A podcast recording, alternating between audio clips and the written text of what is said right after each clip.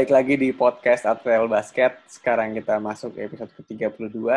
Seperti biasa, ada gue Adit, ada Andy Semberg, Yang gitu dong, weh. Uh, ada apa Abi. sih? It's an honor for me to be compared to End December. Jadi, thanks. Hi all, hi all, hi all. Jadi inside joke dikit, basically adalah di salah satu grup basket yang ada, intinya adalah gue mengklaim gue tidak suka Andy Semberg dan si Abi mengaku-ngaku dengan japri ke gue kalau bahwa dia adalah Andy Semberg. Jadi mulai sekarang gue akan panggil Abi Andy Semberg. Gue, eh, itu Dan- kafeat, kafeat nggak? Kafeat gue nggak nggak ngaku. Jangan nama-namain deh. Topik hoax. Biar bumbu. Ya, kan, Bumbu. kan nggak tahu mana yang benar gitu kan. Dan ada Valdi. Halo. Jadi spesifik nih, karena kalau ngomongin draft, kalau misalnya gue berdua sama Abi doang gitu kan, basically gue udah intro nih, habis itu Abi ngomong sendiri monolog. Jadi harus aja Valdi biar pas gitu. Ya. Mati gayanya bertiga. Yoi, jadi biar mati gayanya nggak sendiri. jadi kayak misalkan kalau yang lo udah tahu, kalau belum tahu sambil gue feeling in lah ya gitu kan. Jadi basically gue nggak gitu into draft, especially uh, draft kelas yang ini ya. Gue nggak gitu ngikutin sama sekali. Basically nama yang gue tahu itu cuman eh, obviously Lamelo. Terus yang kedua itu RJ Hampton sebenarnya yang ya tidak tidak topik lah gitu ya. Sama satu lagi adalah tuh bahkan gue sampai lupa siapa nama yang gue familiar. Sama Cole Anthony karena suka Ah. ada di Instagram. Eh, lu anak, Nggak baru, gue baru mau ngomong, lu anak ball is life banget ya. Nggak sekarang ya, Ni- Ni- Ni- Nico Mannion. Enggak, itu gue tapi tapi tapi ya abis gue ngelihat abis ngelihat fotonya Nicole Main, oh ini sering ada di Instagram juga. Itu dia bos. Tahun depan tuh, tahun depan tuh juga tuh kayak Mac Mac McClung, Mac McClung. Nek tuh. Klong, yo.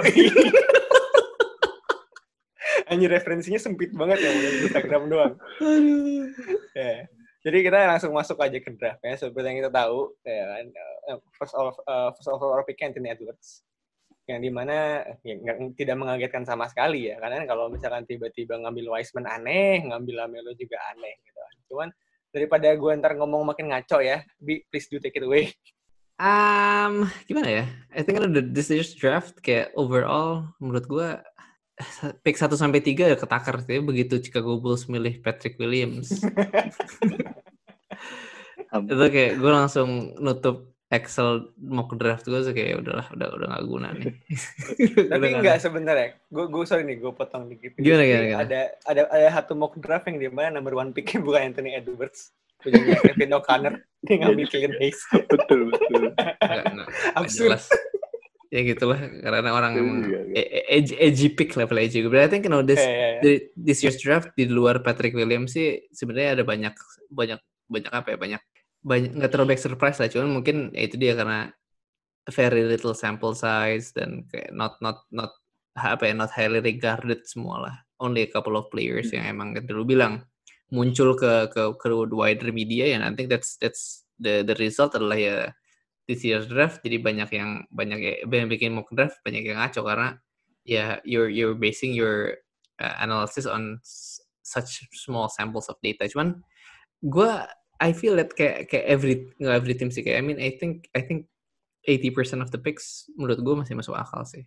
Cuman let's let's let's go maybe one by one aja cuma to to to to to see whether whether it's make sense apa enggak gitu. Let's let's see if, let's see if we can make apa kayak kita bisa menebak apa yang ada di otaknya tiap uh, front office ketika melakukan pilihan ini gitu. And we start with Minnesota, so I think, I mean, it's it's a slam dunk sih gue. Kayak kalau lu milih James Wiseman, lu nyari masalah. Lu lu lu, lu, lu milih Lamelo, nyari masalah yang lebih gede lagi karena bapaknya ikutan ke Minnesota. So I, think Anthony Edwards it's a good pick. Fit physically, he's one of the best in the in this draft class. Um, tapi yang gue nggak terlalu suka adalah dia shoot, shoot shooting itu jelek gitu. He's not kind of a knockdown shooter as as we want.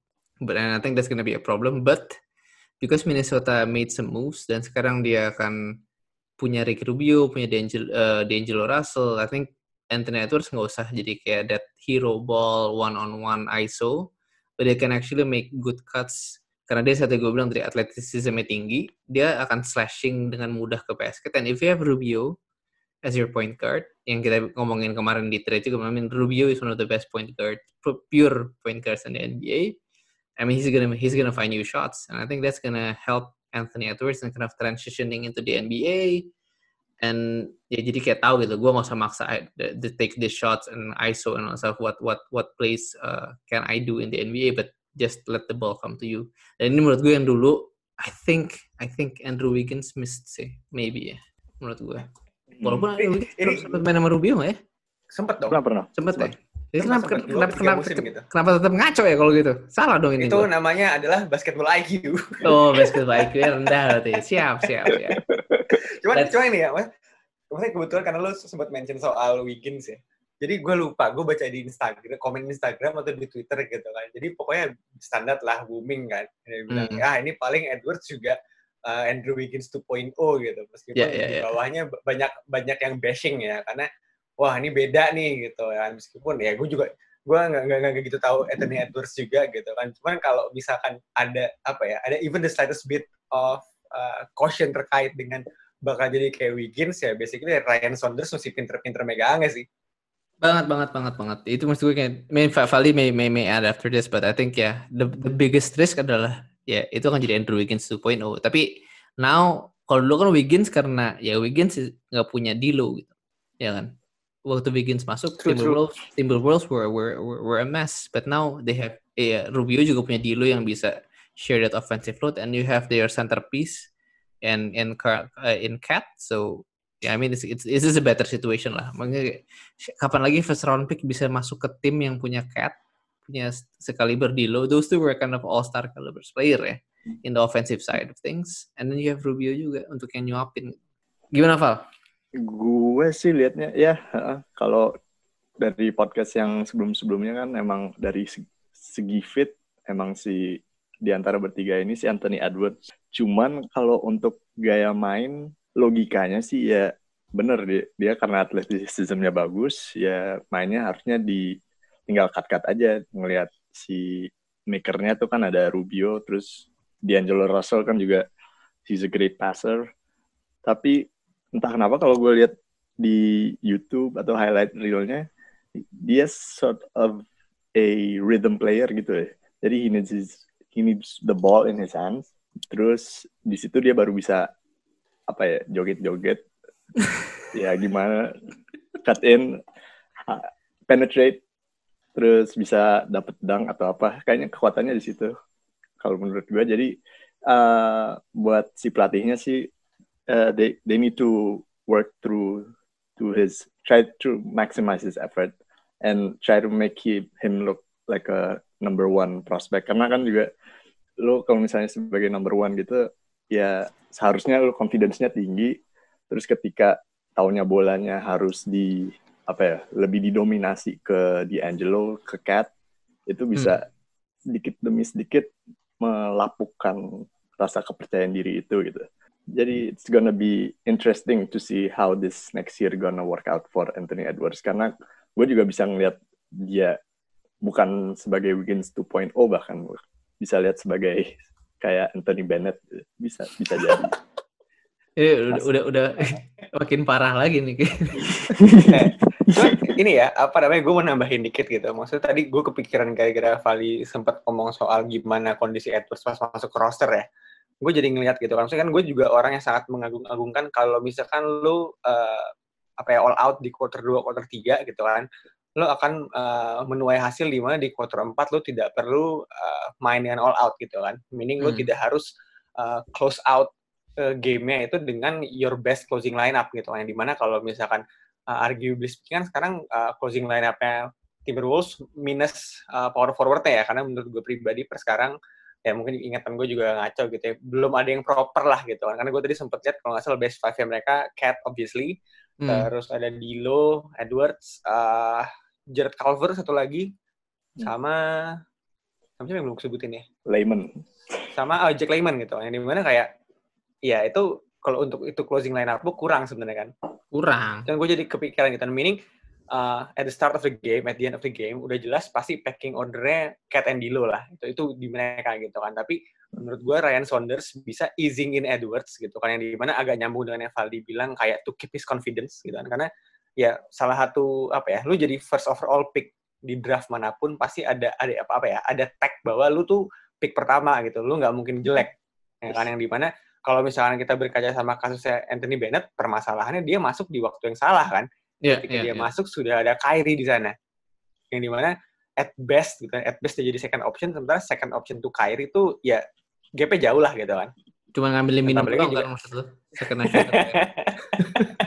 Dan tambah lagi juga Bennett sebenarnya ya Iya, apa ya tidak don't really possess the skill of a number one pick gitu kan. Even dari eh, apa namanya dari draft combine, dari kok draft combine sih, dari apa namanya hasil mock draft juga, ya dia bukan orang yang diperhitungkan sama sekali kan. Jadi kayak bener-bener ya itu miss dari front office-nya Cavs juga pada saat itu kan. Nah, balik ke terus lagi, menurut gue Saunders bisa tuh, ya kan yang di mana di quarter 2, quarter 3, yang di mana kayak masih ngelawan second unit dari tim-tim lain, Yep. ya building up his confidence Iya. juga, easing in lah gitu kan. Jadi kayak he get the grasp of uh, NBA defending itu bagaimana, dan gimana dia bisa adjust dengan game media gitu kan. Yang di mana uh, yang gue pengen underline tuh dari sisi athleticism sih.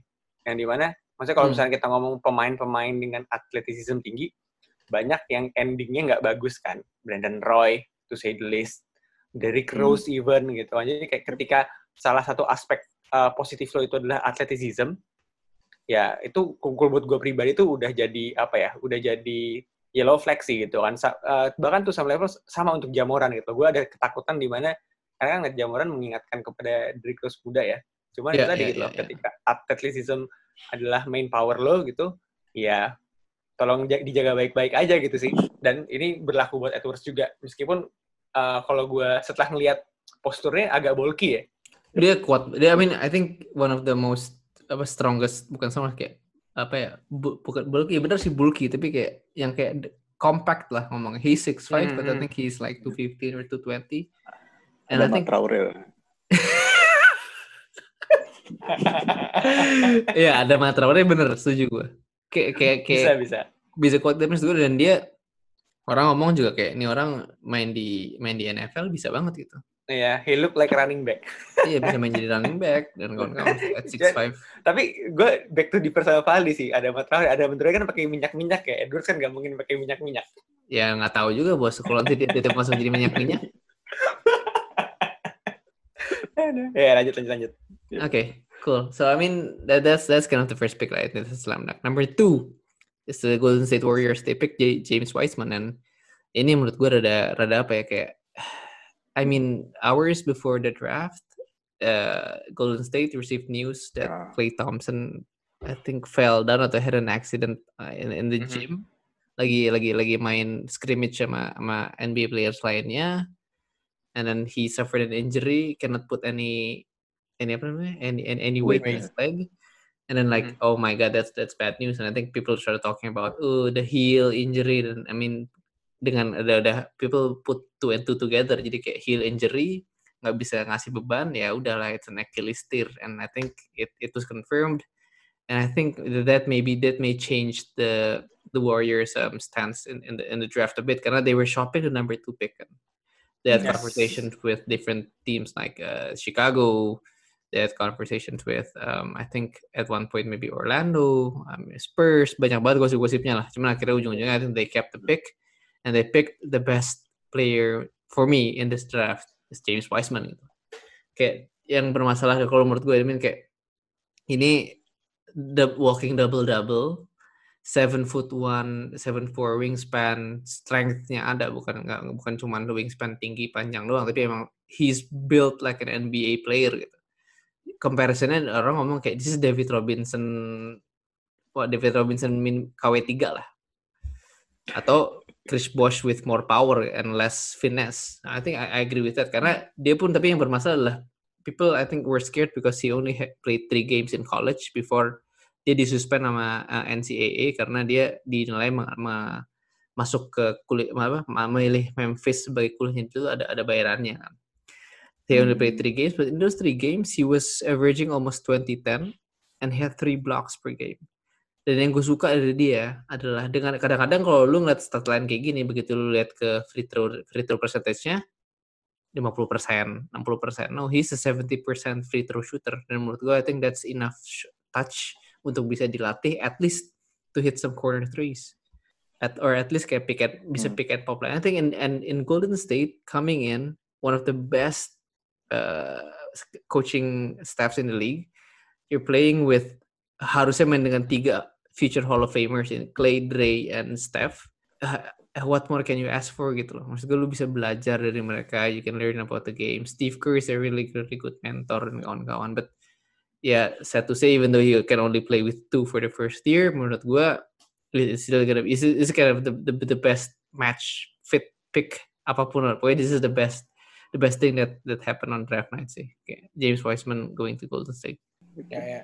Gue ini sih sebenarnya satu apa maksudnya gue nggak nggak nggak akan uh, ngebahas banyak soal Wiseman ya karena kan kalau kita ngomongin soal draft kan pasti yang diambil antara dua kan best fit atau best talent gitu loh hmm. yang di mana buat uh, Wiseman sendiri terlepas dari yang emang niat awalnya Bob Myers untuk uh, menyulap pick duanya kan.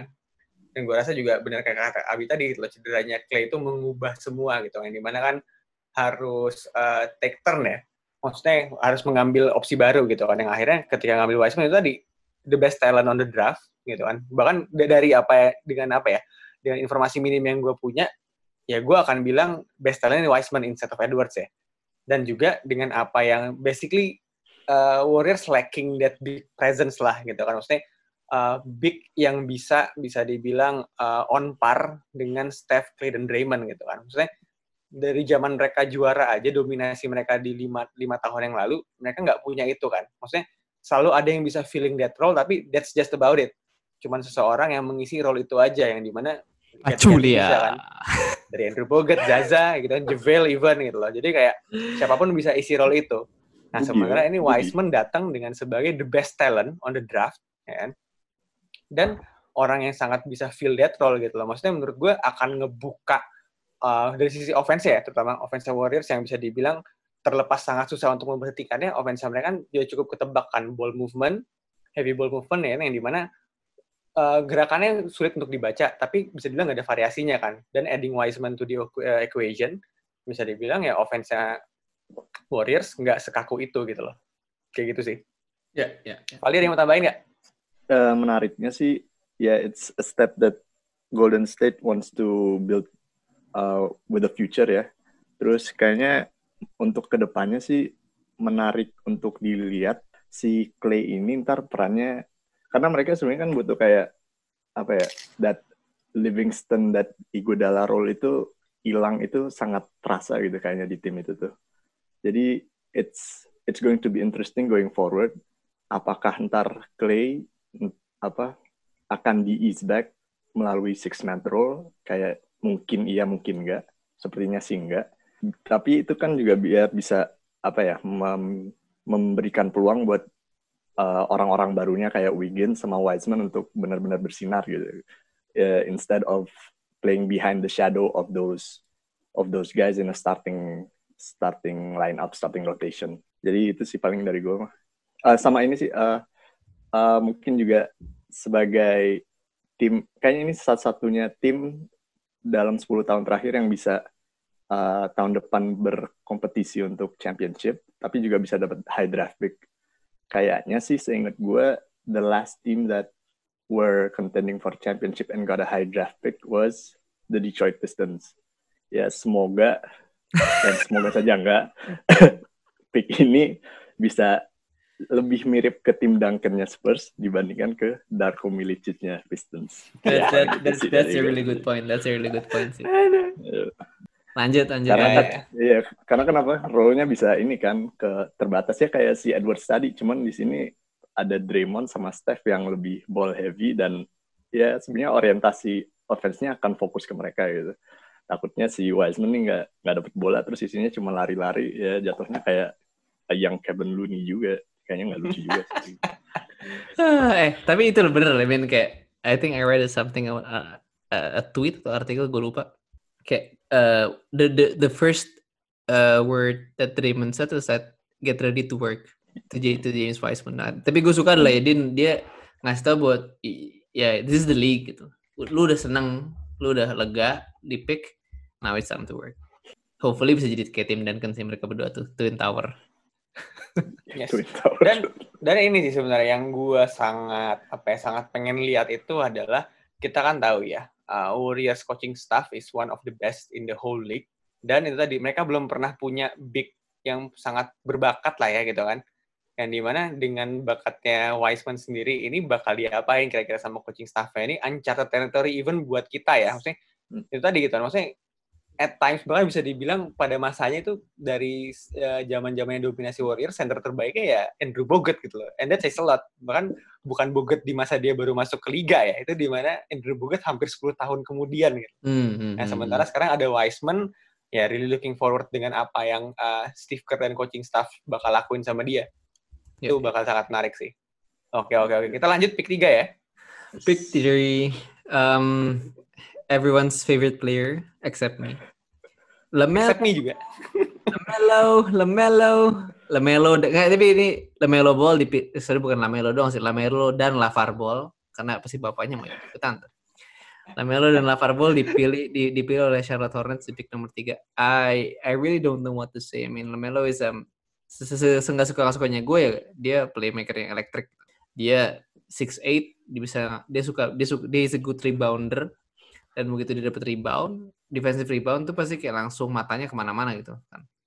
Bahkan kadang-kadang kan kadang-kadang ngeliatin cheerleader, but in terms of kayak surveying the open space dan kawan-kawan it's it's really he's really good. Dan itu ya he that that's a talent dan kadang-kadang nggak bisa nggak bisa lo ajarin gitu. The feel for the game. Tapi maksud gue I don't know if the situation is the best sih kayak if you can see in Lavar's face kayak oh masa anak gue harus ke Charlotte gitu. But I mean ya yeah, Charlotte has got inilah has got things to do this off season abis ini kayak to, to fill the roster around him karena it's really really thin in terms of skill. Gimana Val menurut lo Val? Ya yeah, in terms of fit ada Rozier juga di situ. Terus kemudian ada gue takut salah ngomong nama. Devonte Graham apa Trevon Graham? Devonte Graham. Devonte, Devonte Graham. Graham udah Kayaknya ada udah, ya, udah out of the league lagi ya. gue lupa. Gigi Graham kali, Gigi Graham. Gigi Graham. ya itu. ya yang Graham kan sih he was uh, kalau kata Luka kan harusnya jadi running for the most improved player dan gue kira kan juga dia yang akan ngebawa si Charlotte franchise untuk ke depan gitu. Terus sekarang mereka harus nambah another ball handler to their play, to their team. Gimana mereka berantemnya aja lah, gelutnya gimana untuk mempertahankan fighting apa spot mereka di roster. Karena juga Lamelo Ball exciting, but defensively he's not there. Rozier is a dog and you, apa ya offense-nya juga unexpected. I think the most reliable is that is Devonte Graham gitu. Dan ya yeah, it's up to Lamelo and Rozier to fight for that other spot unless one of them wants to be relegated to the sixth spot which, which I don't think neither one will. Nah itu yang gue maksud gue nggak terlalu suka adalah I mean you you create drama gitu kan. Yeah. Dan I think Lamelo is the last player in the league you want to create drama with karena bapaknya bututnya itu loh bapaknya pasti kan bawel. Ya, tapi gue bakal resonate apa yang Valdi bilang sih gitu kan maksudnya terlepas dari Lamelo is the obvious choice sebenarnya buat Charlotte gitu kan yang di mana ngambil Lamelo kan nggak cuma dari uh, aspek basket aja ya dari sisi bisnis juga kan. Ya Melo will bring news gitu kan thanks to Lavar as well. Dan gue curiga kong kali kong nih kayaknya MJ sama Lavar sebenarnya. Jadi dia bikin drama di belakang seakan-akan mereka selek ya. Padahal sebenarnya udah ini udah apa udah hopeng temenan juga gitu kan. Tapi tapi apa ya balikin lagi gitu kan yang di mana things not looking good for Rozier gitu. Yang di mana ya gue not not his biggest fan or even a fan at all. Dan yang di mana di season yang di mana dia datang dengan uh, basically overpriced lah ya 17 hmm. juta kalau nggak salah ya kan. Basically speaking you're playing second fiddle to Devonte Graham. Nah di mana bentar gue lupa. Dia second round atau even undrafted ya? Uh, second round rega regardless basically uh, dengan angka lo segitu permain lo kalah sama orang yang rankingnya jauh di bawah lo. Ya kan? Itu fatal gitu. Dan yang kedua kalau misalnya agak ngomong lebih teknis lagi uh, adding Lamelo into the equation. Uh, basically Lamelo will get the ball. Uh, ya yeah, as he deservedly slow ya. Maksudnya dengan dengan value apa yang dibawa ke lapangan lo tidak mungkin mainin Lamelo of the ball kan? Pasti dia yang pegang bola. You will build your offense around uh, Lamelo. Hmm. dan meaning di mana for the other guard kan lu tinggal pilihannya Devonte or Rozier. Nah, di mana kalau misalkan gue sama Abi kemarin sempat ngomong juga sih sebenarnya. Devontae is a much better shooter gitu. Nggak cuman spot up shooter aja gitu kan. Lu butuh uh, outlet pass dari Lamelo yang shootnya oke siapa? Merem, Devontae Graham gitu loh. Things start looking Hmm. good for Rozier. Dan tambah lagi kenapa dengan tag harga dia itu kalau misalkan even dia harus turun role ya, jadi six man gitu kan, sparking offense yang di mana sebenarnya ya that's what he did best pada saat di Celtics kan, apa yang membuat uh, Hornets juga tertarik dengan dia awalnya kan itu sebenarnya. Cuman ya things not looking good for them dan tambah lagi juga kalau menurut gue pribadi ya bring all the offense lah, mereka nggak punya defense juga. Ini mana mereka bakal jadi tim yang lebih menarik dari sebelumnya. Tambah lagi masih ada pemain favorit saya Nick Batum.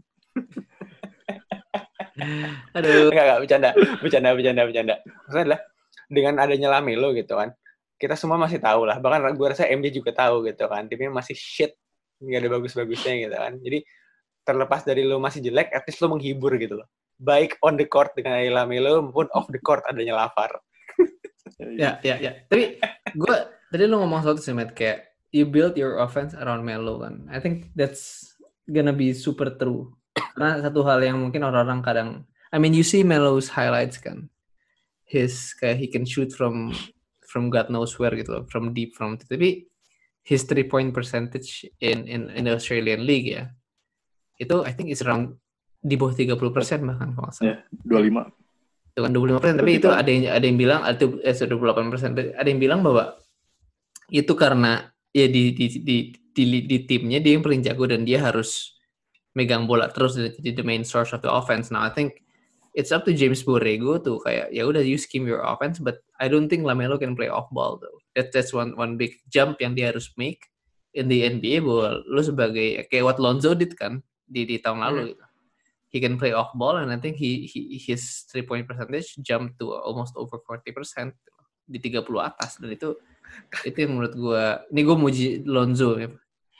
Dan itu yang menurut gua yang uh, the step dan Lamelo has to has to ini. Cuman maksud gua adalah I think that maturity point for Lonzo came kayak around I think bulan ketujuh dia ada di liga lah kalau nggak salah di tengah-tengah musim rookie-nya gitu. Dan gua gua rasa penasaran gua adalah kapankah Lamelo akan mendapatkan titik uh, maturity point itu kayak di bawah oke gue udah bukan pemain yang paling jago di lapangan lagi I have to actually learn something new gue pengen tahu apakah dia punya itu di dalam dia Nanti MJ bakal humble him down. oh itu kalau ada beritanya kayak Lamelo MJ menantang Lamelo main one on one wah itu akan seru banget sih Ya, jadinya kayak OJ Cuk. Mayo ntar. Sebenarnya kalau misalkan ngomongin serius dikit soal Lamelo ya, terlepas dari gue sangat suka dengan Lonzo, Lamelo ceilingnya jauh di atas Lonzo. Itu iya iya safe, safe to say he is the most talented ball brothers gitu kan. Jelo ya nggak usah dibahas lah ya. Hmm. Cuman maksudnya adalah offensive tools-nya jauh lebih lengkap gitu. Yang di mana uh, even seorang Lonzo yang menurut gue visionnya sangat bagus, Melo jauh lebih di atasnya gitu loh. Yang di mana terlihat uh, kayak gue ini agak tahu karena kebetulan gue sedikit ngikutin ya. Dan gue akan berani bilang uh, even at this point of his uh, young age, Lamelo is a much better uh, half court uh, ball provider dibandingin Lonzo. Yang Hmm, di mana kan, Lonzo kan, cuma bisa efektif on transition, yang di mana dia harus dapat bola dan dia harus kasih ya, thankfully ada Zion ya at the Mhm. other side of the court itu permasalahannya. Dengan Lamelo basically dia he has his choice gitu loh. Maksudnya dia punya uh, offensive tools individu yang lebih bagus dari Lonzo sekarang even. Either dia mau uh, apa namanya Hail Mary pass long pass lah ya not necessarily Hail Mary gitu ya. Dan atau he takes his time dan run it down to the half court gitu loh. Jadi yang di mana bener-bener menurut gue uh, PR MJ berat nih gitu. Tambah lagi uh, track record dia megang pemain dengan tanda kutip talenta bagus jelek ya Iya, iya, iya. iya. No, you're absolutely right sih. Dan that's the, dan menurut gue itulah di mana nanti ya, ya it's gonna be a lot, apa ya, when how how can how can Lamelo be a professional aja. tambah lagi masih ada bapaknya juga Ini itu dia maksud gue. ya, ya, ya. ini Lamelo dari Valdi mungkin ada yang mau tambahin lagi nggak Val? Cukup bro. cukup ya oke oke Ya. sekarang kita geser ke pick-pick lain ya cukup panjang juga kita ngomongin ngomongin first three picks tapi yang di mana memang tiga pick teratas itu menurut gue terlepas dari di draft class yang ini ya maksudnya even kalau misalnya tiga orang ini di draft class yang lain memang ya patut untuk dibahas gitu loh karena Hmm, apa yang hmm. dibawa ke lapangan bisa dibilang agak sedikit berbeda dengan uh, pemain-pemain yang ada di draft class draft class sebelumnya sih gitu. cuman kita masuk ke pick keempat lagi Abi, take it away.